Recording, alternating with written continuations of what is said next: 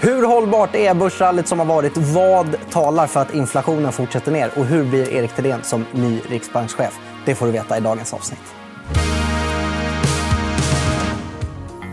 Och med mig i studion så har jag Frida Bratt, sparekonom på Nordnet. Välkommen hit. Tackar. Och Alexandra Stråberg från Länsförsäkringar, chefsekonom.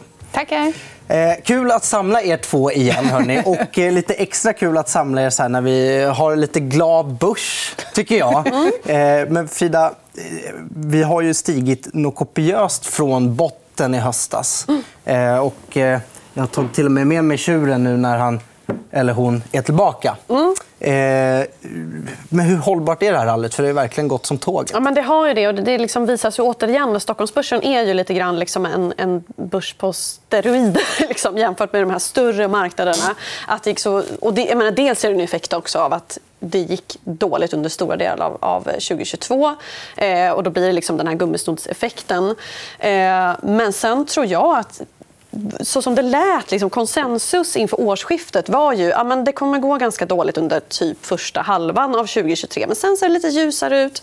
Och liksom tillräckligt många tror att det kommer bli bättre sen. Ja, men då händer det ju nu istället. Mm. Så att, men min bild är att ändå ganska många privatsparare var lite oförberedda på det här rallyt. Och jag tror inte att det håller i sig i den här takten. Nej, det känns nästan som en omöjlighet för det har gått så otroligt bra.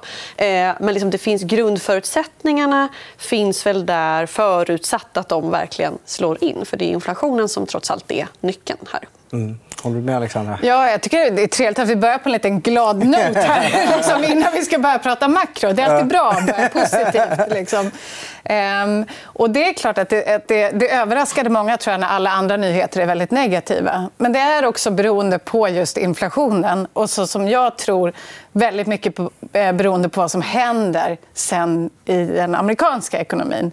Absolut. Det tror jag kan tyvärr då dra ner humöret lite om det fortsätter enligt de indikatorer som vi har sett. Ja, alltså det som måste hända nu för att liksom det här optimismen ska hålla i sig det är att inflationen fortsätter ner och att det blir den här mjuklandningen och att vinstprognoserna inte behöver justeras ner så mycket mer. Så att, men, vi var ju mer, det var ju mer inprisat att det skulle gå ganska jobbigt för bolagen i den här lågkonjunkturen innan det här rallyt. Nu är det ju liksom en ganska smal väg här som eh, bolagen måste gå och aktiemarknaden för att det här ska liksom hålla. Mm. Det lät ändå som det var ganska många grejer som skulle stämma för att det ska... ja, men lite så är det ju faktiskt. Men det är dels den här att liksom inflationsoro det byts ju någonstans ut till att bli lite mer eh, konjunkturoro också. Eh, så att nu är det liksom de två sakerna som vi måste ha att förhålla oss till. Och jag håller med Alexandra om att det är absolut vad som händer i USA som får störst betydelse vad som händer här på Stockholmsbörsen. Mm. Jag tänker att vi, vi återkommer till USA lite senare. för Det är ett väldigt intressant ämne. Men först inflationen, då, som är eh, huvudrollsinnehavare lite grann i, i filmen som kallas Börsåret 2023. Eh, och, och, det finns ju såklart saker som talar för att det är, och risker att inflationen liksom bits kvar. Och finns det saker som kan tala för att den, den fortsätter lugna ner sig. Alexandra, vad har du i de här två vågskålarna som utgör inflationsmatchen 2023? Ja, det är kul. Alltså. Man kan aldrig prata för mycket inflation. Ehm, jag tycker det finns ett antal eh, aspekter här. Jag menar, inflationen ökade ju väldigt, väldigt snabbt. Ehm, och nu är vi liksom uppe på den här inflationsbergstoppen. Eh, lite. Eh, och då tänker man sig att det ska gå väldigt fort ner, vilket vi tror ju med tanke på baseffekter och energi och så där. Men jag tror att den här nedstigningen kommer att ta lite tid. Och det är liksom en bit ner till det här baslägret på 2% och Vi vet inte liksom förhållandena där nere på tälten, det vill säga ekonomin. Så att, eh, det är en liten klurig nedstigning som vi håller på med. Och Det finns saker som kan liksom göra det svårare och lättare. Eh, den risken som vi ser som kan trycka upp inflationen ytterligare det tror jag är efterfrågan från Kina. En sån sak, när de väl kommer igång... Vi ser nu att priserna på råolja börjar öka. Så det är ett eh. tveeggat svärd kan man säga lite grann att Kina öppnar upp eftersom det kan vara liksom en tillväxtmotor också för ekonomin. Men såklart, men de behöver också. väldigt mycket grejer och när de behöver väldigt mycket grejer då ökar priserna.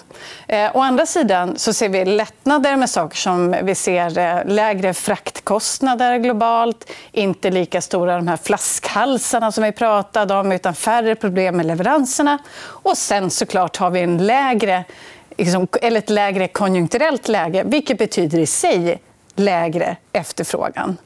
Så att nettot av det här... Ja. Och sen tycker jag det är intressant, för nu pratar vi så mycket om kommer inflationen vända ner? Kommer den vända ner? Men vad kommer den vända ner till? Mm. Alltså, det är också en fråga som vi får komma till i ett senare läge. Alltså, kommer den liksom stanna och stabiliseras någonstans på, ja, vadå? Ja, det blir spännande bara. Det är väl nästa fråga kanske. Den kommer, den kommer ju sannolikt att komma ner en bit, men det, men det är som sagt ett tufft jobb mm. att få ner den ända till mm. 2 mm. Det kommer krävas mm. ganska mycket. Bra. USA mot Europa då? Det känns som det är två olika stories nästan. Två olika världar. Hur kan det vara så stor skillnad mellan de här två? Ja, men, alltså, det där är... Det, tycker jag, det har hänt ganska nyligen. Och jag vill säga några saker om det. Det ena är att den amerikanska ekonomin eh, det har man liksom satt sitt hopp till. Eh, nu vänder det, inflationstoppen är passerad och allt det där. Men det kan ju också vara så att nu börjar ränteökningarna att bita. Det vill säga, nu har man haft hög ränta en ganska lång period och nu börjar det bita. Eh, och det syns ju i eh, de här förtroendeindikatorerna även om BNP-siffran förra veckan kanske inte då, det var kanske lite starkare än man hade väntat. Men det beror på. då. Blir det recession? De inköpscheferna i USA tror ju på mer recession kanske än vad man har gjort tidigare. Eh, efterfrågan på bolån har ju fallit extremt kraftigt i USA etc.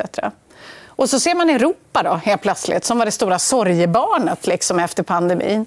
Och så nu börjar det se lite bättre ut helt plötsligt. Men där blir de här goda nyheterna blir ju dåliga nyheter, eller kanske goda, eller tvärtom.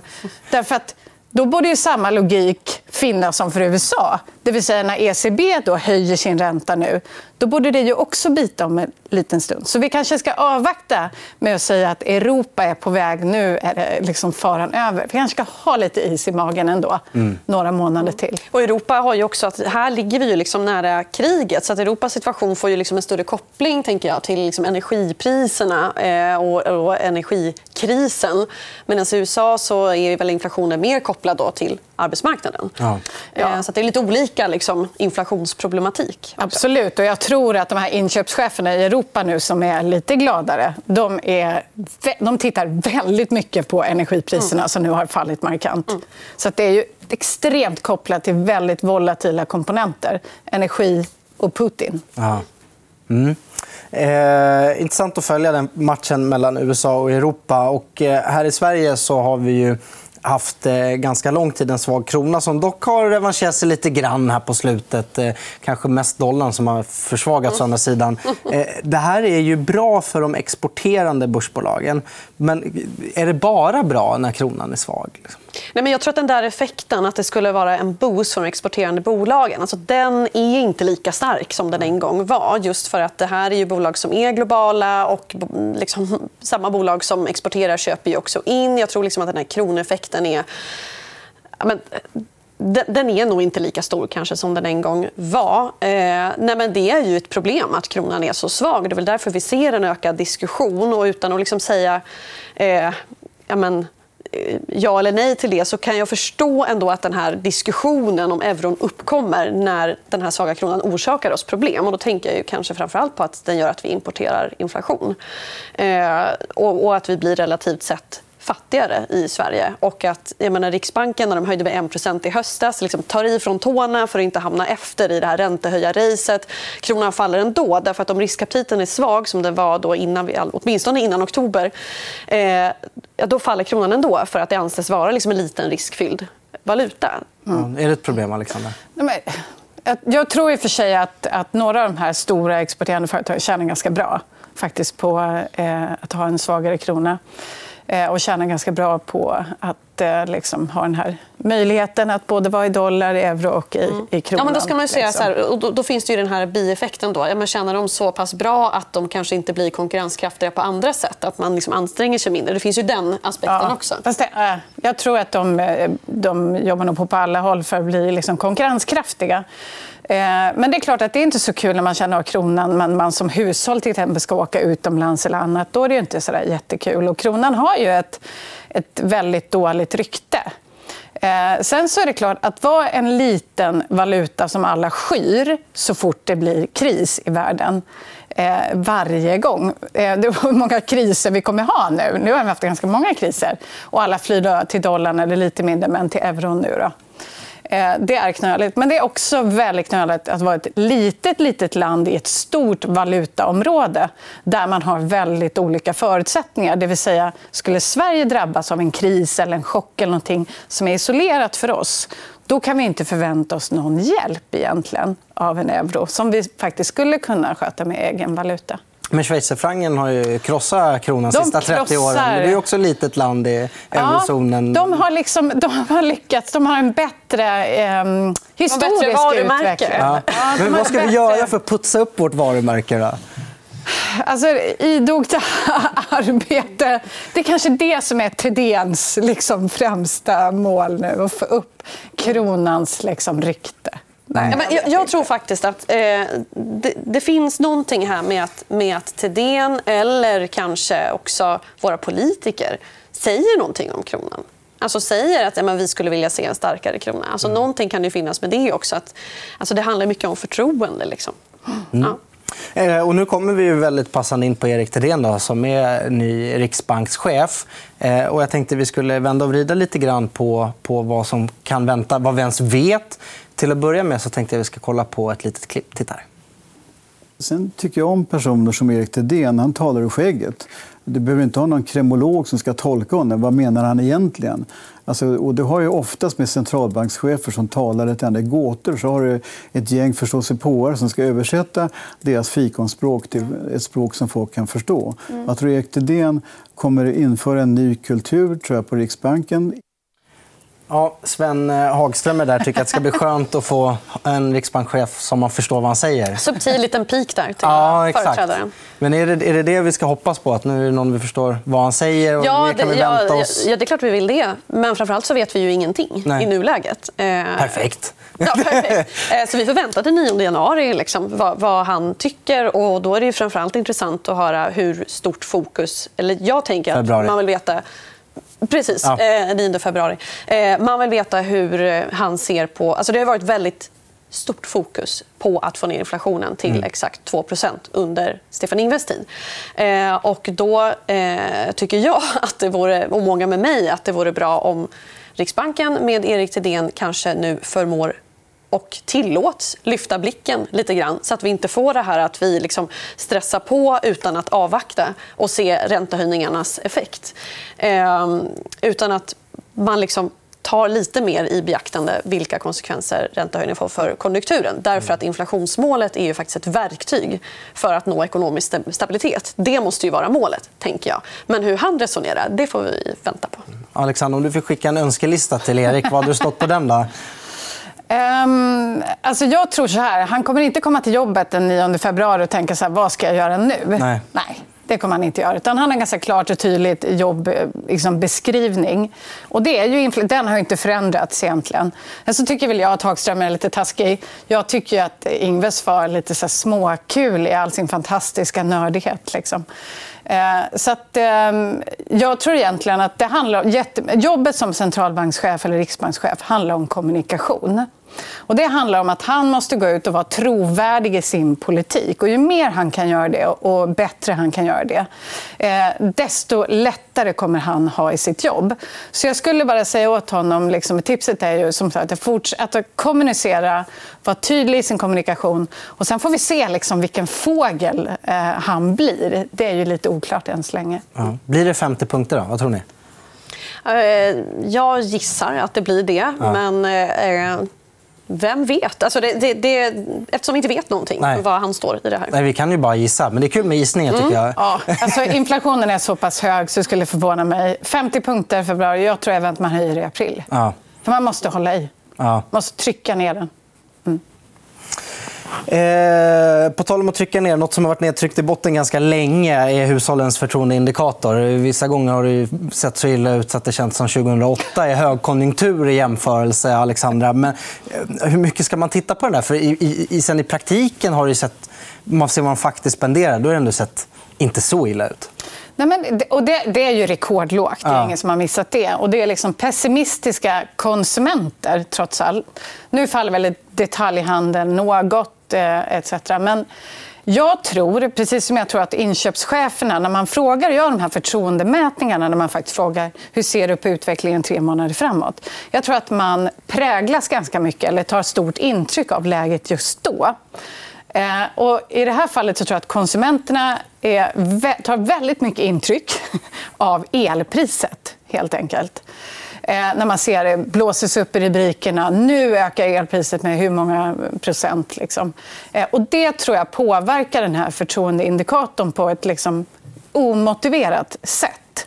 Det vill säga, den går ner i botten, men man fortsätter konsumera. Så jag tycker man ska nyansera lite, för tillfället i alla fall, tolkningen av den när det bygger på så volatila komponenter helt enkelt. Mm. Inte bli lika skrämd när man ser den som man annars hade blivit. Nej, utan liksom ändå liksom förstå, nyansera kanske tolkningen och titta på de här reella utfallen när de kommer kring privatkonsumtion. För det kommer ju gå ner, men absolut inte på samma sätt. Jag tänker också att det kan speglas lite grann i hur konsumenterna själva ser på sin privatekonomi. Just att vi kommer från ett läge där det var fram tills liksom för typ nio månader sen eller ett år sen så var det ju fest. Liksom. Alltså det var ju låga räntor, elpriserna ja, var väl rätt höga i och för sig förra vintern också men inte alls på den här nivån. Mm. Och men tittar vi tillbaka flera år, vi har inte behövt oroa oss för elpriser. Inflation har vi ju inte haft. Alltså, vi är helt ovana att behöva oroa oss för de här sakerna. Eh, så vi kommer liksom från räntefest och så blev det liksom lite räntechock. Och det här, just den här övergången tror jag speglas ganska mycket ja. i det här. Och där finns det två saker man kan lära sig faktiskt av. Det ena är perspektiv. Mm. Helt enkelt att gå tillbaka lite längre och titta på hur det här utvecklar sig. Det gäller bostadspriser, det gäller ränta, det gäller inflation. Och sen så är det en utmärkt privatekonomisk lektion vi går igenom just nu. Mm. Ja, det, mm. det var skönt. Eh, fick... Jag tänker tiden, inte just kanske det här nej, samtalet. Nej, nej, men jag förstår. Nu hörni, blir det dags att runda av med månadsstatistik från eh, Frida. Ja. ja. Eh, vi tar och tittar på den första bilden då, som är vad som folk har köpt mest av. I antal, mm. Är det nettoköp? Ja, ja. det är nettoköp. precis.